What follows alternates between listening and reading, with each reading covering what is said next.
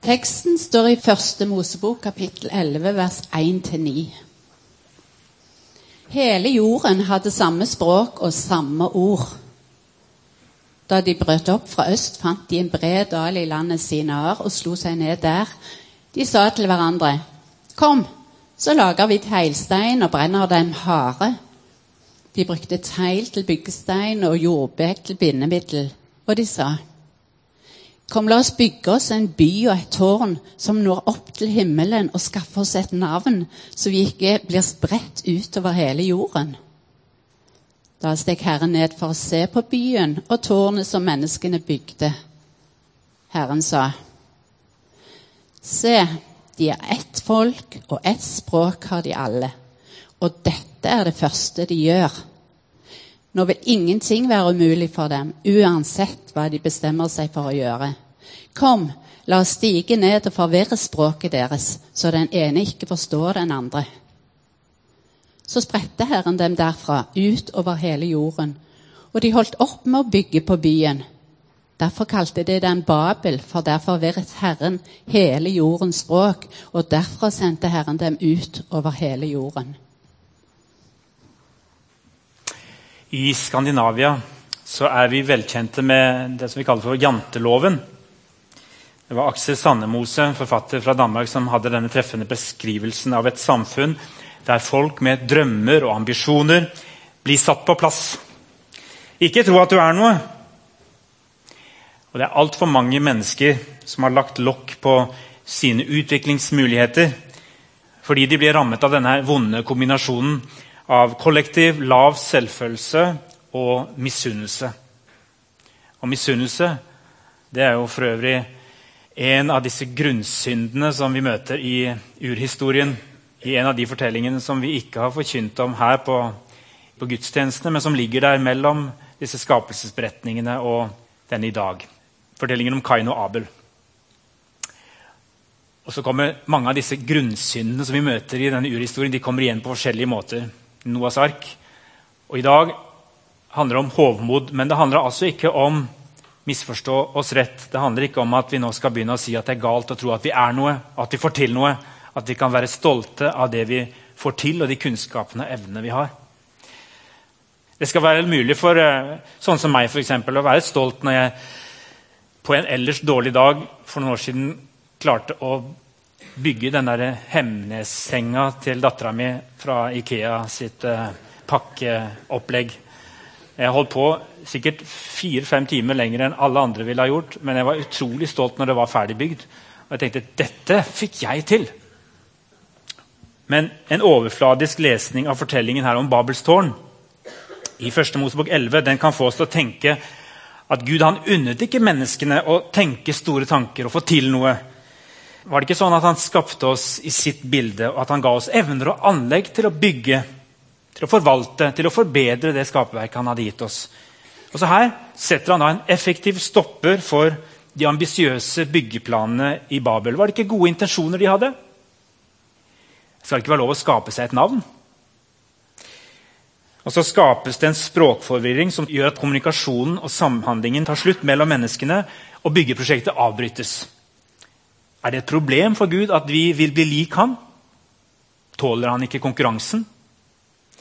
Det må ha handla om noe annet. Det må ha handla om å ville bli som Gud på feil måte.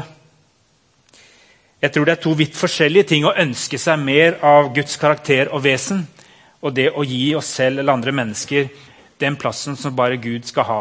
Og Det er ikke sikkert det alltid er så lett å vite når vi gjør det ene eller når vi gjør det andre. Men det må ligge en forskjell her. Dette her, det er det siste kapitlet i det som vi kaller for urhistorien. og Vi har jo hoppet over noen av fortellingene. Vi har hoppet over Kain og Abel for eksempel, og Noahs ark. Så er vi nå i denne siste Babelsfortellingen.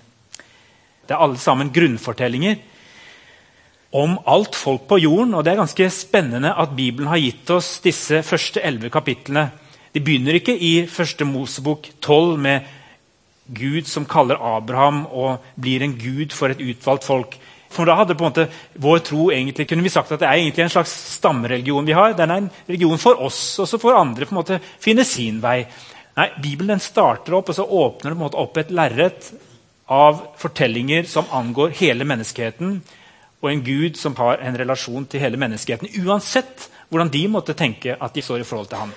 Og Det synes jeg er spennende. Derfor kaller vi det enten for urhistorien, noen kaller det for universalhistorien, disse fortellingene fra kapittel 1 til kapittel 11. Han er alles skaper og alles gud. Enten vi mennesker forholder oss til han eller ikke. Og Dette siste kapitlet det handler altså om hvordan menneskeheten den gang og ned gjennom alle tider forsøker å etablere seg, organisere seg, bygge byer. For så vidt også noe som burde være positivt, men det er noe her som da ikke blir positivt. De forsøker å kommunisere med hverandre på et stadig høyere plan. Dette er altså en del av urhistorien allerede. Vi kjenner det igjen fra vår tid. Gjenklang i vår tid. Og så blir det plutselig noe som går helt galt av sted. Siktemålet for dem det var da til slutt å nå like opp til himmelen og realisere sin vilje til selv å være Gud. Det er på en måte som om menneskeheten forsøker å organisere seg tilbake til det de tapte gjennom paradiset, men de gjør det på egen hånd. De forsøker å rive til seg og realisere den løgnen som slangen la ned i dem idet de falt. Husker dere da han sa 'Dere vil bli som Gud og kjenne godt og ondt'? Det er mulig! Og så er de fortsatt i dette nettet, og så kjenner de på at Gud skulle jo vært her. Vi skulle hatt han her. Og så bygger de seg da et tårn. Og det som da jeg har skjønt egentlig det tårnet handler om, det er ikke først og fremst et byggverk men det er en slags trapp. Det sto gjerne ved siden av et tempel og andre ting i det gamle Babylon. Jeg tenker at dette Babels tårn har sånne historiske eksempler som vi kan se i historien, spesielt i dette området med sånne høye tårn. og kommer tilbake til litt etterpå, men Det kalles for sigurater. Og Hvis det har noe med disse siguratene å gjøre, dette Babels tårn, så var det egentlig en form for trapp som Gud skulle ha muligheten til å gå ned på. Så Det var på en måte ikke nødvendigvis at de skulle opp til himmelen, men det var det å gjøre det mulig for Gud å komme ned, sånn at vi kan skape oss dette fullkomne riket igjen. Og så Når fortellingen da beskrives her, så blir det jo fryktelig alvorlig og litt sånn komisk på samme tid. Fordi at du får fram disse store perspektivene i dette. her. Disse folka bygger da et tårn, og det fins eksempler på et tårn som var 90 meter høyt. Wow, liksom. 90 meter høyt i eh, byen, det gamle Babylon. Og vi tenker at Babels tårn fra en fjern fortid er forbilde for et sånt type sigurat. Et tårn på sju etasjer. Jo, jo, det er høyt og det er flott. Og det skulle liksom nå opp til himmelen, 90 meter. Hele byen fungerte som et tempel. Et tegn på at religion og sosialt liv var helt sammenvevd i det gamle Babylon. Og De forsøkte å organisere virkeligheten ut fra denne byen. Å kontrollere og samle seg. Det finnes en annen sånn sigurat i Ur i Kaldea, der Abraham kom fra, nær dagens Irak. Da er vi plutselig inne i det neste kapitlet, som vi kommer til seinere. Abraham ble altså kalt ut av en sånn bykultur som kanskje på overflaten ser veldig positiv og bra ut, og det er sivilisasjonens vugge, og alt dette her, og samtidig så må det ha vært noe her som gjorde at Abraham måtte tas ut fra den sammenhengen og settes inn i en helt annen virkelighet for at Gud skulle få sin vilje med sitt folk. Jeg har ikke alle svarene på hva det var som var grunnen til det. Men det står i hvert fall at Herren sa til Abraham.: Dra bort fra landet ditt og fra slekten din og fra farshuset ditt til det landet som jeg skal vise deg. Jeg vil gjøre deg til et stort folk. Jeg vil velsigne deg og gjøre navnet ditt stort. Du skal bli til velsignelse. Så Abraham han må ha sett denne siguraten i sin egen by et av disse absurde tårnene i byen han kom fra. Han hadde vært del av en sånn bystruktur som menneskene hadde forsøkt å ordne tilværelsen i. Den organiseringen av tilværelsen som menneskene begynte å foreta seg utenfor paradishagen. Og ville bli lik Gud, men på gal måte. Men kallet til Abraham det var å reise bort derfra og leve som en nomade i nesten hele sitt liv før han fikk sett virkeligheten, eller før hans etterkommere fikk se realisert det som Gud hadde lovet for ham. Han loves et stort land, et stort rike, men det skulle være et rike der menneskene skulle kjenne sin plass i skaperverket. Og Det skulle være et rike som var bygget på andre verdier enn det å gjøre seg stor og mektig på andres bekostning.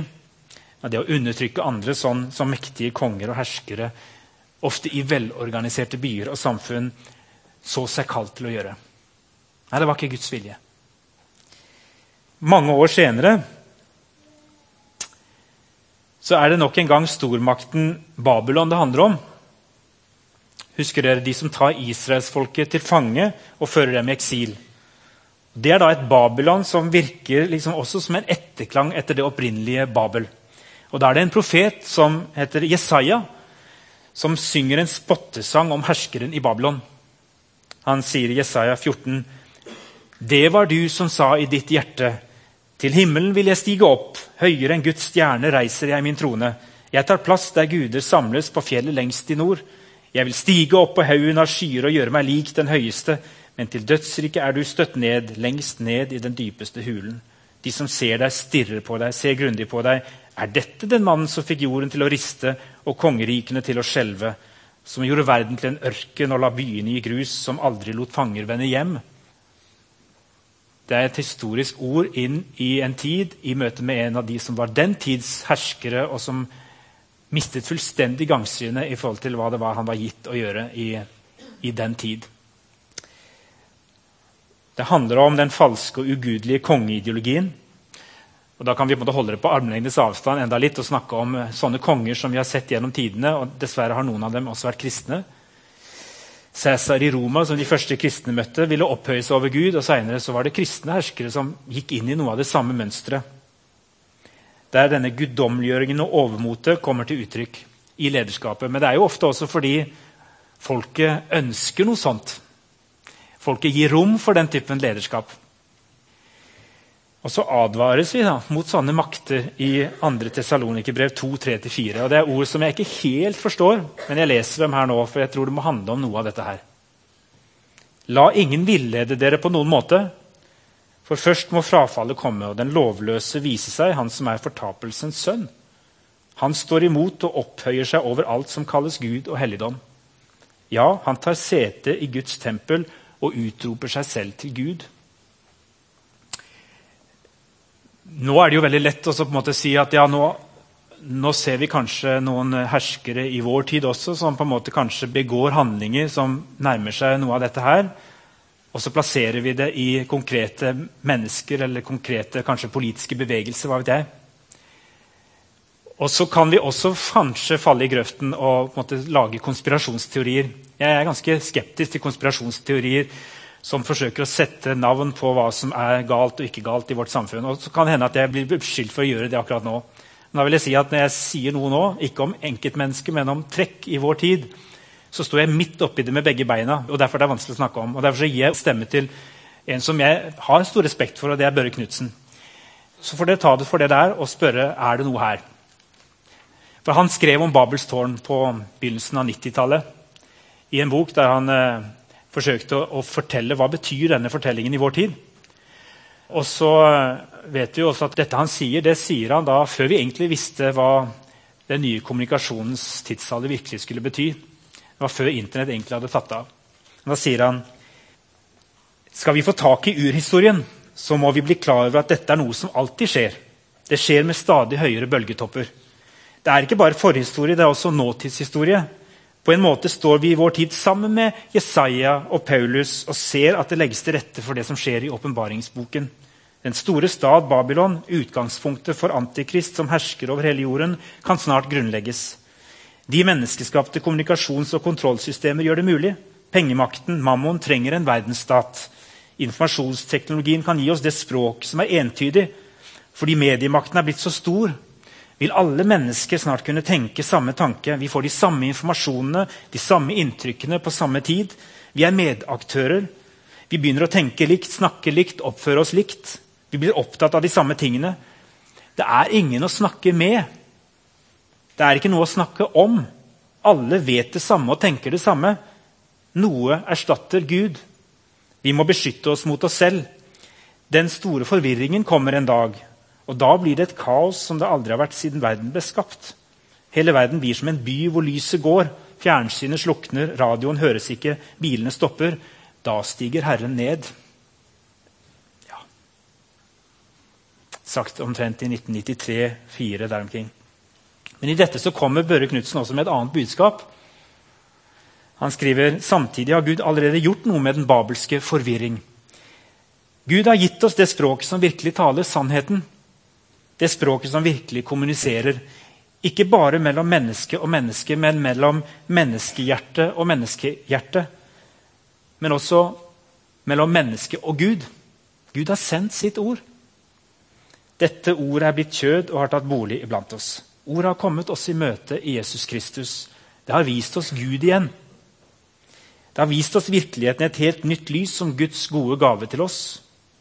Det har vist oss sannheten om oss selv, både som løgnere og syndere, og som menneske elsket av Gud. Sannheten som vi har fått å kjenne, legger et nytt ansvar på oss. Den fører oss inn i et helt forhold til hverandre. Ordet har kalt oss frem fra buskene der Adam gjemte seg. Vi står fremfor Gud. Vi står fremfor hverandre. Vi taler sant om og med vår neste. Vi har fått kommunikasjon, den kommunikasjonen som er i en levende menighet. Vi lærer å elske hverandre. Vi får en nærhet og forståelse, en aha-opplevelse, når vi leser Guds ord. Det er Guds språk. Tydeligst åpenbart i Jesus Kristus. Dette språket klang gjennom disiplene og gjennom hele Jerusalem og ble forstått av alle på pinsedagen, skrev Børre Knutsen. Så da er det sånn da, at Når vi snakker om tidslinjen og forsøker å på en måte se er det noe som handler om vår tid, og igjen, ta det for det det er Og så er det ikke sånn da at, eh, som jeg sa i sted, at eh, vi kan på et vis avvise all teknologi og all kommunikasjonsteknologi som noe som ikke også kan brukes til noe godt. Men det kan jo hende at noen av oss trenger å bli minnet om at dette er i ferd med å bringe oss inn i noe som vi overhodet ikke har kontroll på, selv om vi tror at det er sånn vi skal ha kontroll. Og så befinner vi oss kanskje langt fra det Gud ønsket seg av menneskelig fellesskap og nærhet til Han i dette voldsomme informasjonssamfunnet som vi er en del av. Og så kan det hende at om det da er av og til sånn at forvirringen inntreffer og dramatiske hendelser inntreffer, så, så er det for å stoppe opp og spørre seg ja Er det vi som har kontroll over kreftene, eller er det Gud? Er det Han som er herre, eller er det oss? Jeg vet ikke. Men historien da om Babels forvirring den peker fram mot Jerusalem på pinsedagen. En del av denne tidslinjen, og vi er en del av pinsefortellingen. Vi som har tatt imot Jesus, vi som har Den hellige ånd, vi har på en måte del både i denne menneskehetens utfordringer, og så har vi samtidig noe annet som vi skal få holde fram, og som er et nytt språk, sånn som han Knutsen sier. Og Det igjen det peker jo fram da mot den nye byen. Det skal være en by. Det er ikke sånn at eh, vi skal tilbake til en hage, faktisk, men vi skal faktisk til en by. Det skal skapes en ny himmel og en ny jord.